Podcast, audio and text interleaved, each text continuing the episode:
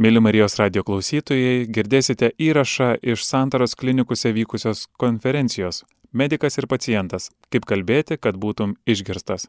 Apie medikų ir pacientų bendravimą ir bendradarbiavimą, apie įgūdžius, kurių reikia turėti bendraujant su sutrikusiais ir išsigandusiais paciento artimaisiais, pasakos Santaros klinikų gydytojas anesteziologas, reanimatologas, docentas Mindaugas Šerpytis ir gydytojas neurochirurgas Ramūnas Raugalas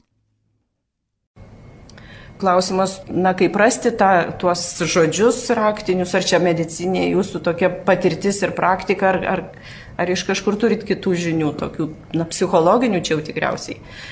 Čia ko gero patirtis daugiausia, visokių tų klaidų yra pasitaikę. Ir, ir e, tikrai tokių atvejų, kur geriau norėtųsi užmiršti ir neprisiminti nesėkmingo bendravimo ar nesėkmingos komunikacijos bet metai eina, dirbi ir ta patirtis kaupėsi.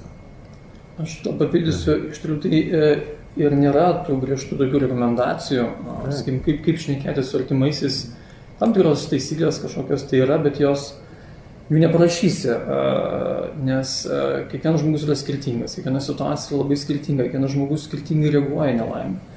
Kiekvienas, kiekvieno nelaimė yra skirtingo laipsnio, sunkumo, prognozė skirtinga, lyga lėtinė ar neatsitiko staiga, jinai rami, kaip neprogresuoja.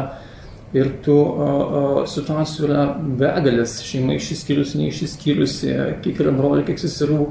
Ir tas, tas vis, visą tai lemia iš tikrųjų tą pašnekiusią ir patį visą pobūdį, kokį tu tikė, galės tikėtis supratimo iš artimųjų ir kontakto. Ir a, iš tikrųjų ta patirtis yra gana didelė, nes, sakykime, vidutiniškai a, reanimacijos skyriuje yra gydimo apie tūkstantis, pusantro tūkstančio pacientų. Kiekvienas iš jų turi 2-3 artimuosius.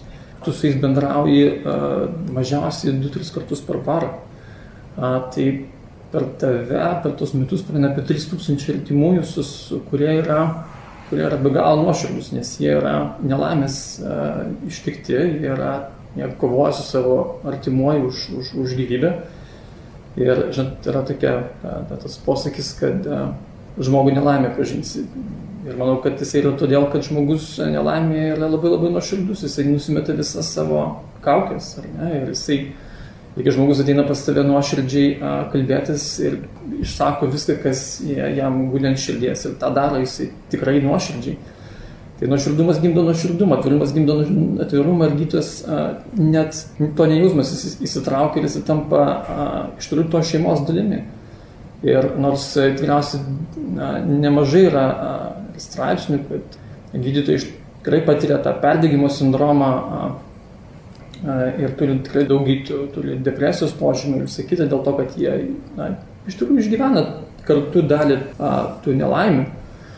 Ir, ir tokia yra, na, sakykim, požiūris, kad gydytojas turėtų likti atsiriboti nuo, nuo, nuo to, kas vyksta šeimoje. Bet uh, tas, tas yra neįmanoma dėl to, kad ateina pas save žmogus, kuris labai nuoširdžiai bendrauja, o jis, jie visi tokie yra. Jie visi bendrauja nuoširdžiai, nes jie yra nelaimės ištikti, tu automatiškai irgi na, įsi, įsi, įsitraukia į tą, į tą šeimą, išgyveni kartu su jais daug, daug dalykų. Pridurčiau tik tai, kad bendraujant su pacientais nėra nieko savaime suprantamo, savaime žinomo ir taip toliau. Ir tą nuolat reikia priminti savo. Tai vad norėjau pacientas... klausti apie tą pakartojimą kelis kartus, a gal ir keliolika iš tikrųjų, nes, na, kaip, kaip ir pokalbio pradžioje sakiau, kad neišgirsta žmonės tokiam strese ir, ir dideliuose išgyvenimuose būdami, neišgirsta, net ir, nu, jau jūs tikriausiai ir parenkate ir žodžius suprantamus, ir be medicinės tos terminologijos, bet tiesiog, na, neišgirsta, taip fiziologiškai sutvarkyta, kad atmeta. Tai tiesiog kartojate, kaip tas pokalbis vyksta, na, su vaikais, tarkime, tai, tai su jų, jų teveliais, jeigu kažkokia lyga, kažkoks numatomas tyrimas sudėtingas ar operacija sudėtinga, kaip tas pokalbis vyksta? Ilgai, nuodugniai, nuoširdžiai, neskaičiuojant minučių, nelekiant kažkur tai, visą laiką paliekė erdvės e, ir paskatini užduoti dar klausimą, jeigu iškims, prašome rytoj ar šiandien darbo dienos pabaigoje, jeigu tik tai kyla klausimų, klauskite. kad viskas būtų išsiaiškinta. Ir tas receptas, kada, kada žmogus vat, paklausė iš vienos pusės, dar jam kažkas neaišku, dar kartą klausė, jūs ir vėl aiškinate. Ir tai išsklaido tą tokį, nežinau, nežinomybės, baimės ar, ar kažkokį jausmą, kuris... Man labai skaudu būna, kai pacientas ar jo artimieji eina prie gydytojo ir jau iš karto atsiprašinėja, kad jį liktai kažkaip tai trukdys ir, ir malonėkite pasišnekėti. Tai galvoju, kiek tu žmogau vis dėlto turėjai iki šio laiko tokių neigiamų patirčių. Tai va, ir, ir visuomet stengiasi na, rasti pacientui laiko, pašnekėsiu laiko. Reanimacijos skyrius yra tokia, minėjote, jau tokia na, labai sudėtinga vieta ligoninėje, kur sudėtingų situacijų, na, tokia kasdienybė lydi visą laiką sudėtingas situacijas ir kaip jūs renkatės tą pokalbio kažkokį formatą, kuomet yra tos na, pačios blogiausios tos žinios apie beviltiškumą ir pagalbos nebebuvimą tam pacientui, su pacientu jau bendrauti iš vis nebegalima, tai tiesiog su artimaisiais. Kokie tie raktažodžiai yra, koks tas raktas jiems pasakyti patį blogiausią dalyką pasaulyje. Na, tikriausiai pagrindinis principas turėtų būti tai, kad tu turi kalbėti su artimaisiais kaip lygivertis partneris jų. Ir iš principo tiesiog tapti iš dalies netgi kažkokiu tai bičiuliu draugu, kurie, kurie tikrai ne tik pasitikėtų, bet ir jaustų iš jo tikrai šilumą, kad, kad tai rūpi, ką tu darai. Ir jo artimiesiams tai yra didžiausias, didžiausias išgyvenimas kito, kito žmogaus, artimo žmogaus lyga kažkokia tai. Ir kai jisai tampa lygiverčių partneriu, kai tu stengiasi jį įtraukti, kad jisai taptų to komandos nariu, kad jis irgi, na, sakykime, kovotų kartu su, su pacientu už tą, už tą gyvybę.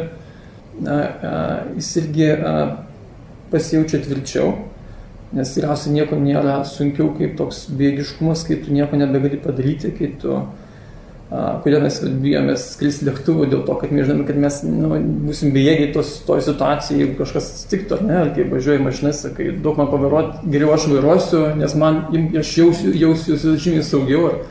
Ar, ar, ar tiesiog mano dėmesys bus sukoncentruotas į vairavimą, ar aš ta nelaimė nėra tokia skaudi. Tai, Labai svarbu, kad tie pacientai iš tikrųjų įsitrauktų į tą, e, tą visą, visą gydimą, į tą sprendimų prieimimą, kad su jais tikrai reikia bendrauti taip, kaip na, iš dalies medikais ir nebijoti jiems aiškinti a, dalykus. Sakykime, vienas labai tokių akivaizdžių pavyzdžių, kur, kur a, tu matai, kaip jie a, na, nusiramina, priimdami tam tikrus sprendimus, a, kai, nu, sakykime, tu parodai a, žmogaus, kuriam įvyko kraujo išsiliejimas į galvos smegenis, ten parodai kompiuterinės tomografijos vaizdus, atrodytų reikia medicinio išsilavinimo ir taip toliau, rezidentūros, kad tą suvokti, bet kai tu pasakai, kad, čia kur yra balta, tai čia yra kraujas, kur yra e, pilka, čia yra e, normalus smegenų audinys, ir jie sako, tai čia nėra e, sveikos vietos. Ir tada jie iš tikrųjų supranta, kad taip tai yra blogai. Mes net parodom, kai diagnozuojam smegenų mirtį, mes net parodom jiems kontrastinį kraujagyslių tyrimą ir jie, kaip kraujas nepriteka į smegenis, parodom čia pat, kaip turėtų atrodyti, kaip nėra. Ir jie sako, jo, mes, nu, jiems iš karto tas, na, kai jie pamato tą vaizdžiai ir tu su jiems parodai net medicinius dalykus, mes laiką sakom, bet žiūrėkit, yra Mes turime dabar ligoninę su sepsiu, bet yra selektyvus baltymas ir uždegimo markeris, šiandien yra 400, rytoj 300. Ir tu matai, kad jis po savaitės sako, tai kiek šiandieną jau. Ir jisai a, labai svarbu, aš tokia sakau, rezidentam a, kartais tokie būna suirzę, keltimiai sako, o ar, ar mano, a, mano artimasis ar jis karščiuoja. Jie sako, bet jisai daktaras priimtas prie kvepavimo aparato, priimtas prie pakaitinės inksų terapijos aparato, prie kitų aparato, o jie klausia apie temperatūrą. Sakėm, sakau, o ką jie gali paklausti, nes jiems temperatūra žmonėm yra susijusi su sunkia būklė. Ne? Tai jeigu aš kalbėčiau su matematiku apie aukštą matematiką, aš tikriausiai irgi tik tai žodžiu žodį integralą, bet su, su įsivalgomas nieko nepasakyčiau. Tai a, kai tu bendrauji kai su artimaisiais, kaip su lygiaverčiais partneriais, jiems juos traukia tą veiklą, tai jie tikrai a, jaučiasi patys tvirčiau ta kančia nėra tokia jiems sunki, nes jie irgi kovoja, o nesėdi sudėję rankas. Be abejo, labai svarbu yra iš tikrųjų ir atsirinkti artimuosius, kuriems tu gali pasakyti daugiau, kuriems gali pasakyti mažiau. Ir mes, kai perdavinėjom ligonius vienas kitam gydytojai, mes perdodam ne tik apie paciento būklę, bet apie, ir apie šeimą. Ir pasakom, kad na, patosokite mamą, nes jinai labai jautriai reaguoja, jinai ne, nepriema tos informacijos, jinai turi daug lėtinių lygų ir taip toliau. Patys artimiai kartais ateina, sako, daktarai gal galite nesakyti tam ar tam. Tai mes laiką irgi pasišėm su šeima, kad kas, kas gali būti prie paciento, kas gali išklausyti, priimti racionalų sprendimą. Gydytojas turi daug tokių uždavinių, turi pažinti iš tikrųjų tą šeimą, kad priimti tokius, na, sakykime, teisingus sprendimus. Kad... Taip, pritariu, yra situacija, kada sunkia lyga serga vaikai ir pasidomi tėvų. Ar tarkime prie 14 mečio galima su tėvai šnekėti apie, apie e, jo sveikatos būklę, su ta mintim, kad net ir šitas paauglys, žinodamas, kas laukia, e, padės medikams, sveikdamas. E, ar mes, mes einame kažkur tai kabinetą ir peržiūrėjome kompiuterinės tomografijos ar magnetinio rezonanso nuotraukas ir pasišnekame, negirdint vaikui. Mano nuomonė, Jeigu tik tai išeina, jeigu tik tai galima tikėtis, kad tas pacientas e, gebės priimti tą žinią tokią. Geriau, kad jisai dalyvautų gydymo procese sąmoningai. Jūsų auditorija, jūsų pacientai yra vaikai. Tai vat, aišku, tos ribos amžiaus yra labai didžiulės, nuo, nuo kūdikių iki 17 metų, beveik suaugusių žmonių. Bet toks, na, bendrinis toks klausimas, nuo kokio amžiaus vaikui galima suteikti va tokios informacijos, galima kalbėti su juo apie jo lygą, apie būsimus tyrimus, apie operacijas galbūt. E, žinoma, adaptuoti reikia. Vat, šiandien buvo pašnekesys su šešiamečiu, toksai, sakyčiau, visai adekvatus, jisai žino, kas jo laukia, kaip čia viskas bus, ramiai keliauja į operacinę, be ašarų, be premedikacijos. O, nu, o, o kitas... Papasakokit, kaip kalbat, na, klausyk ten koks nors dainiau, pavyzdžiui, žinai, tau čia bus šiandien va taip ir taip. Tiesiog, na, mes neįsivaizduojame. dalykas, ką darau, netuinu net šešiamečio. Tik jūsinu. tai va. Ir Jis jaučia tikriausiai tokią, na, pagarbą, kad va, štai su juo jūs. Sakau, čia universalių receptų ne. negali būti, kaip ir daktaras Mindaugas sako, kiekvienam individualų žodį turi surasti. Tai reiškia, turit pamatyti, kokio to žodžio pa, reikia. Pamatyti, pajaust tiek vaikui, tiek, tarkime, mamai. Labai, na, negerai, kai vaikas nuskaito kažkokius tai vat, neigiamus impulsus, nerimą dėl tėvų. savo lygos iš tėvų. Čia tai nežinia, ji, ji dar labiau graužia. Tai jau geriau pasišnekėti su gydytoju ir tapti tokiu mažu suaugusiu, negu kad nerimauti. Nerimauti ir perimti tik tai va, iš, iš tėvų savo tuos visus, na, neigiamą, neigiamą kažkokią tai atmosferą. Vaikai labai greitai, momentaliai nuskaito mūsų būsenas. Jeigu mes e, į palatą įeiname sutrikę, nežinodami, kas darosi, ar kaip surasti žodį, ar koks čia sprendimas, vaikas taip pat pajaučia, kas mumise darosi. Panašiai kaip aš, e, kad yra e, tas, sakykime, visuomeniai gal tokia nuomonė, ar vaikai ir tokia net yra tikriausiai taisyklių, kad vaikų neįleidžia reanimacijos skyrius. Um, tai jinai tokia na, sena iš tikrųjų labai ta pozicija, bet jinai iki šiol tikriausiai daug kartų figuruoja, nes, na, sakykime, jeigu ten guli ar senelis, ar, ar, ar mučiutė, ar netgi tėtis ar mama reanimacijos skyriuje, labai dažnai užduoda klausimą, kad yra mažamečiai vaikai, ar jie gali aplankyti, ne, ir, ir visų yra baimė, kad jiems, na, tai jie išsigas, jie pamatys, tai jiems gal nesakysim, Tai a, vaikai yra na, puikūs stebėtojai ir jie mhm. realiai, a, m, jeigu tu nepasakysi, tai nereiškia, kad niekas nevyksta. Tai a, vaikas a, a, iš tikrųjų turi pamatyti, tai be abejo net ir mažametis vaikas su pamatyti gulintį senelį reanimacijos skyriuje. Tai be abejo su ja yra pasišnekama prieš tai, ten svarbiausia nu, nukreipti dėmesį, kas nepamatytų tokio bendro reanimacijos vaizdo, kad ten mes ir nutildom alarmus, visokius pipsėjimus, kad jo tas neišgazintų, kad jis susikoncentruotų dėmesį tiesiog į senelį. Dievo ir tėtį ir mamą, bet kad jie pamatytų, kad a, a, suvoktų, kad iš tikrųjų taip sirgo ir na, kad nebūtų pastoju paskui ištisai meluojama, kad negryžo, negryžo, negryžo ir kažkada tai jau ten kažkas nusprendžia, kad jau gal vaikui reikia pasakyti, kad, kad, kažkas iš artimųjų mirė. Tai tie vaikai vėlgi būna labai a, tokios ne, sunkios reakcijos jų. Tai geriau yra iš tikrųjų daug, daug ir psichologinių ir tyrimų ir, ir, ir nuomonių apie tai, kad vaikams tikrai reikia tą pasakyti, jiems reikia parodyti, jie turi pamatyti ir, ir, ir žinoti, kas vyksta. Bet iš tikrųjų sužavėjo tas pasakymas, kad net ir tą pačią reanimaciją paruošėt prieš ateinant paciento artimiesiems vaikams Tai iš tikrųjų žavi jautriai. Kažką norėjot pridurti? Taip, reanimacija vaikui tokia gana gazdinanti jos e, vieta, aparatai, garsai, šviesos ir taip toliau. Bet vėlgi, pakalbėjau su vaiku, kad tarkime po operacijos jisai atsibus reanimacijos skyriuje, kad mama ateis, bet nuolat negalės būti. Toksai pacientas, na, kažkaip nurimsta. Jisai žino, kad gydytojas pasakė, jog teks tą vieną naktį pabūti reanimacijoje ar dvi ir, ir pilnai įmanoma, įmanoma jam ten išbūti. Žodžiu, meluoti negalima. Jokių taip. būdų, jokių būdų. Taip, daktarė, paminėjote tokį įspūdingą skaičių, kad e, per metus tenka pabendrauti ko ne su 3000 žmonių. Ir paminėjote dar tokį vieną dalyką, kad nu, jūs kaip ir tarsi tampate tų šeimų kažkokiu savotišku nariu. Tai reanimacijos skyrius didžiulės tokios įtampos ir, ir stresinių situacijų vieta.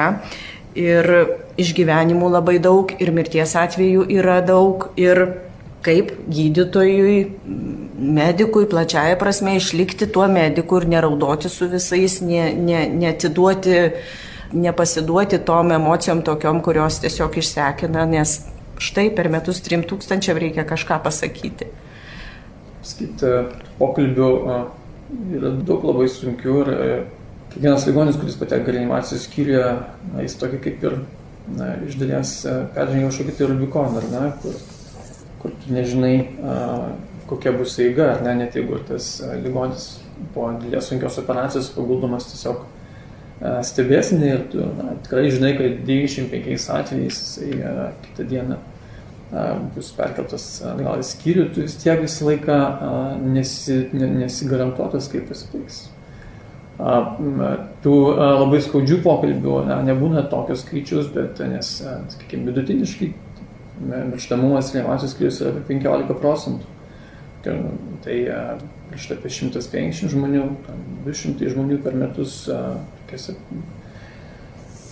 trečio lygio, sakykime, gal reanimacijos skyriuose, kurie yra didesni skyriai, tai beveik kas antrą dieną gydyti tenka pasakyti liūdną žinią. Ir a, tą pasakyti tikrai yra sunku ir, ir toks, net, a, kartais visuomeniai sklando na, tokia nuomonė, kad medikai cinikai, bet a, manau, kad tai išneka tik tai tie, kurie yra patys cinikai. Tai a, medikai m, tikrai nėra cinikai, jie yra, manau, kad a, medikai tampa medikais dėl to, kad jie iš principo labai myli žmogų. Jie to nejausdami pasirenka tą specialybę. Ir jie a, tikrai, a, jie, jie visada nuoširdžiai iki pat galo kovoja, jeigu ta situacija yra beviltiška. Ir a, a, jie, a, norom, nors kaip ir sakiau, tas tik tai tokios yra tos tiesos, kad a, atsiriboti a, nuo tų a, jausmų, bet a, aš manau, kad a, tai yra dalis mūsų profesijos. Dalis mūsų profesijos prisimti tą, tą, tą skausmą ir tu, tu negali atsiriboti ir manau, kad ir neturi atsiriboti. Ir tai, kad Mes to perdegimo sindromo tikriausiai neišvengsim, nes tai yra mūsų, mūsų, mūsų dalis, kurią mes prisėmame, prisėmame pasirinkdami tokią specialybę. Tikriausiai tai taip ir. Sakyčiau, dar reikalingas tas toks balansas atsiribojimo ir neatsiribojimo, nes tu turi būti ir profesionalas. A, tai neturi tavo įtakoti racionalių sprendimų jokių būdų, bet a, aš manau, kad tiesiog tu turi būti iki galo nuoširdus su pacientu. A, ir, nes kitaip tu ne, neperimsi, ar, nu, jie dažniausiai tie, tie artimieji labai dažnai jaučia kaltę, ar ne, jie jaučia kaltę, kad jie sako, Pavėlavome. Jo, pavėlavome, kad gal per vėlai kreipėmės, e, kodėl manęs nebuvo šalia, kai kažkas Mhm. atsitiko, gal reikėjo padaryti tą ar tą ar tą. Ir jie visą laiką tą jaučia kaltę. Ir e, tu turi, nu, tavo dalis yra, gydyto darbo dalis yra, kuri lygiai taip pat atsakinga ir svarbi kaip ir pačio ligonio gydimas. Nes, na, pasakysiu gal taip filosofiškai, bet, bet tikriausiai mirštant ar sunkiai selgiant tėvam žmogui, dalis, kiekviena iš mūsų dalis miršta kartu. Tai, tai tu, tu turi gydyti, savotiškai gydyti dvi, dvi pusės ir pacientą ir jo artimuosius, kad jiems ta kančia būtų mažesnė. Ir 50, daugiau negu 50 procentų visų artimųjų, jie, jiems, jiems stebimos ilgalaikės, ilgalaikiai depresijos, nerimo, potrauminio streso sindromo požymiai. Tas žmogus visą gyvenimą greičiausiai iš, jiems, jiems išlieka sakim, tie prisiminimai ir jie jos karts nuo karto vis prisimena ir su jais gyvena. Ir tai gyto, gyto vienas iš dalių yra gydimo, tai na, savotiškai gydyti ir artimuosius, kad, jie, kad kuo mažiau jie jaustų tos kalties, kad kuo mažiau jaustų tų neigiamų emocijų. Kartais kyla tokia pagunda, tausojant artimuosius liktai truputį užapvalinti tuos aštrius kampus kažkokius, tai liktai truputį mm, kažką, tai, kažką tai pateikti gražesniai. Tai va visą laiką bandai subalansuoti tą tokį žmogiškumą ir užuojautą su va, tokiu realistiniu kažkokiu tai na, žinių pateikimu ar, ar prognozių ir vėl nenuvažiuoti priešingą pusę, kad nepasirodytum perdėm pesimistas. Tai va, visą laiką ta tokia nuolatinio, nuolatinio balanso paieška tarp priešingų polių, priešingų dalykų. O kaip patys ne, neperdegat, nei... nei... Perdegam. Perdegam. Tai perdegam ir manau, kad visi perdega. Ir, ir ne veltui visam pasaulyje yra iš tikrųjų labai daug, manau, kad psichologinių tarnybų, kurios ir padeda medikam ir ne veltui apie tai daug, daug labai rašoma apie tą perdegimų sindromą medikų tarpe. Tai irgi viena, viena tikriausiai pirmaujančių profesijų, kur tas yra perdegimo sindromas, jisai pasireiškia. Bet aš manau, kad tai yra tiesiog mūsų profesijos dalis. Mes to negalime išvengti, nes na, na, tu bendrauti tik tai, kad pateikti tris scenarius su statistika, o tiek yra procentų, jeigu darysime taip, tiek procentų, jeigu darysime taip, nu, tu tiesiog negali. Nes tu turi iš tikrųjų rasti tą nuoširdų sprendimą, kad visiems, visi, visi, na, kaip komandas su, sugrotų tame visame procese. Ir Štai sulaukėm dabar ir klausimo tokio, kad na, dabartinis laikotarpis, šitas pandeminis yra sudėtingas dėl to, kad tų mirčių yra dabar daugiau ir taip, bet klausytojas klausia, kad gydytojams sunku be galo ir jie dėl to netgi verkia. Tiesa? O tikrai tiesa, tai, tikrai verkia ne, ir nematau čia, kad tai būtų kažkoks neprofesionalumas, tai aš manau, kad yra kaip tik to gyto nuoširdumas, bet a, tai a, jokių būdų a, jis, tos ašos tikriausiai neužgožia tavo racionalių sprendimų ir to, tavo profesionalumo, bet, a, bet tikrai, sakykime, mes, mes aš tikrai, tikrai esu tų situacijų matęs ir ypatingai, na, donorystės, pavyzdžiui, srity, kur reikia priimti labai, sakykim, tokius, sunkius sprendimus.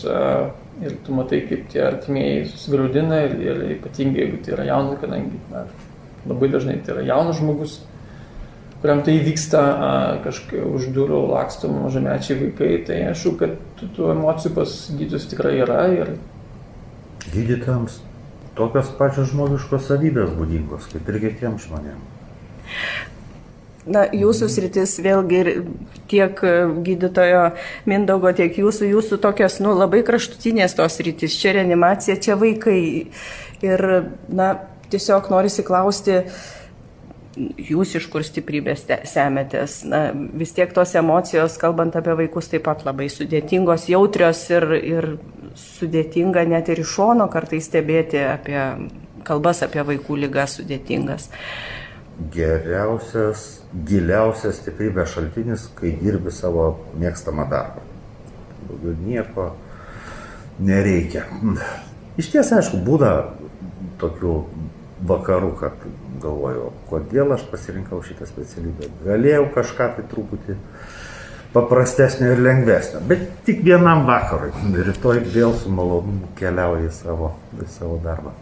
Taip, optimistinė gaida, ko gero, reikia manau, baigti. Dar pas, prašom. Aš manau, kad sėkmės istorijos labai, sėkmės istorijos labai padeda, suteikia daug pozityvumo ir stiprybės. E, aš pasakosiu vieną pabaigai tiesiog istoriją, kuri iki šiol, sakykime, mūsų, mūsų mano, mano skyrių lydi ir mes apie tai vis prisimenam. Tai buvo šeima, kuri tranzitų keliavo po Europą, tranzitų važiavo per Lietuvą ir E, vyras, žmona ir, mažametis berniukas ir, ir, ir mama iš, įvyko kraujo išsilimas į galvos smegenis, e, mes kartu su neurochirurgais e, kovom dar ilgą laiką už ją, bet ten tiesiog buvo nesuderinamas su gyvybė tas kraujo išsilimas ir vyko smegenų mirtis.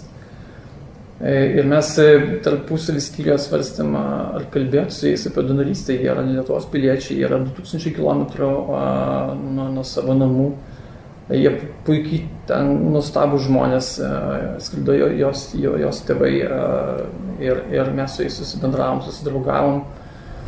Ir jau vienintelė buvo po to, po to jau e, žinutė mums, kad jie, jie nori grįžti namo, pasimti ir, ir gėdėti namuose ir toliau. Ir tas pokalbis apie donorystę, apie dar vieną sprendimą, kurį reikėtų jums priimti, esant labai labai toli nuo namų, mums patiems buvo gana toksai toks atrodė na, per daug sunkus gal jiems. Bet mes pakalbėjom su jais. E, jie sutiko. A, a, ir jie paukojo.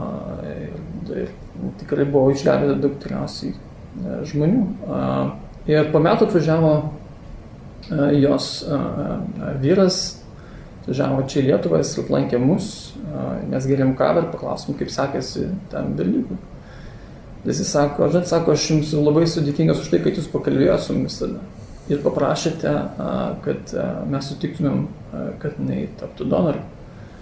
Sako, nes berniukas, kai visi paklausė mokykloje apie jo mamą, jis sako, mano mama yra didvyrė. Jinai išgelbėjo daug gyvybių. Jinai mirė, bet jinai padarė labai labai daug gerų darbų, nes jinai išgelbėjo labai daug gyvybių. Ir tu supranti, kad jeigu tu būtum nepakalbėjęs apie tai, tu būtum iš to vaiko tėmės kažkokią tai nu, viltį, ta mama jam kaip kokia yra kelrodė žvaigždė, ar ne, kuri, kuri tikriausiai dės visą gyvenimą ir jisai na, bus visai, taps visai kitokiu gal žmogum. Tokiu, na, tikrai, tikrai labai puikiu, nes turi labai tik, na, tikrai tik tokia kita antro saulė savo gyvenimą. Mėly Marijos radio klausytojai, girdėjote įrašą iš Santaros klinikose vykusios konferencijos Medikas ir pacientas - kaip kalbėti, kad būtum išgirstas. Apie medikų ir pacientų bendravimą ir bendradarbiavimą, apie įgūdžius, kurių reikia turėti bendraujant su sutrikusiais ir išsigandusiais paciento artimaisiais, pasakojo Santaros klinikų gydytojas, anesteziologas, reanimatologas, docentas Mindaugas Šerpytis ir gydytojas neurochirurgas Ramūnas Raugalas. Likite su Marijos radiju.